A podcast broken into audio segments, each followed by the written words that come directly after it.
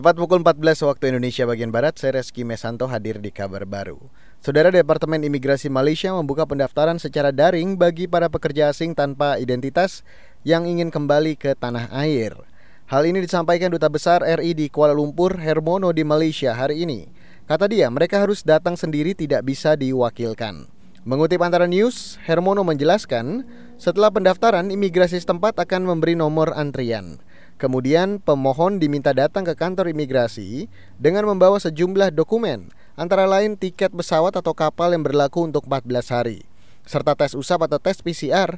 Setelah lolos pengecekan, pemohon bisa pulang dengan membayar denda 1,7 juta rupiah. Program ini digelar Malaysia untuk pendatang asing tanpa izin mulai 16 November hingga Juni tahun depan. Tujuannya untuk memulihkan ekonomi yang tergerus akibat wabah virus corona. Di Malaysia ada jutaan tenaga kerja Indonesia tak berdokumen.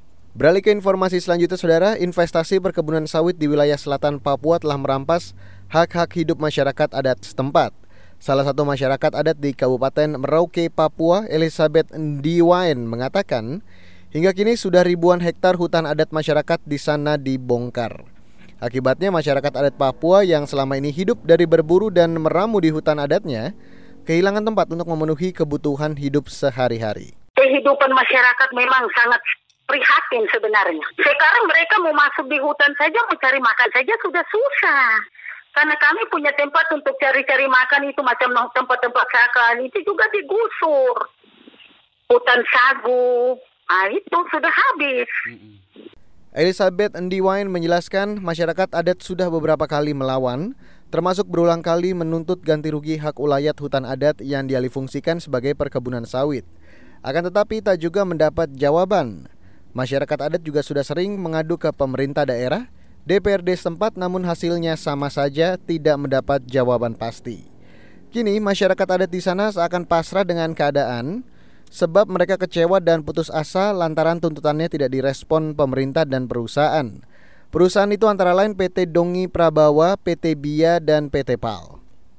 Saudara, jumlah wisatawan yang berkunjung ke Pulau Komodo, Nusa Tenggara Timur meningkat selama tiga bulan terakhir yakni sejak Agustus hingga Oktober 2020.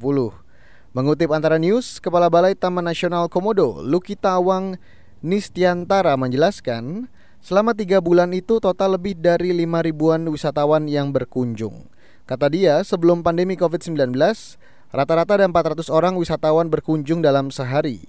Kini setelah dibuka sejak Agustus lalu, peningkatan kunjungan sudah terjadi meski tak sama seperti sebelum pandemi.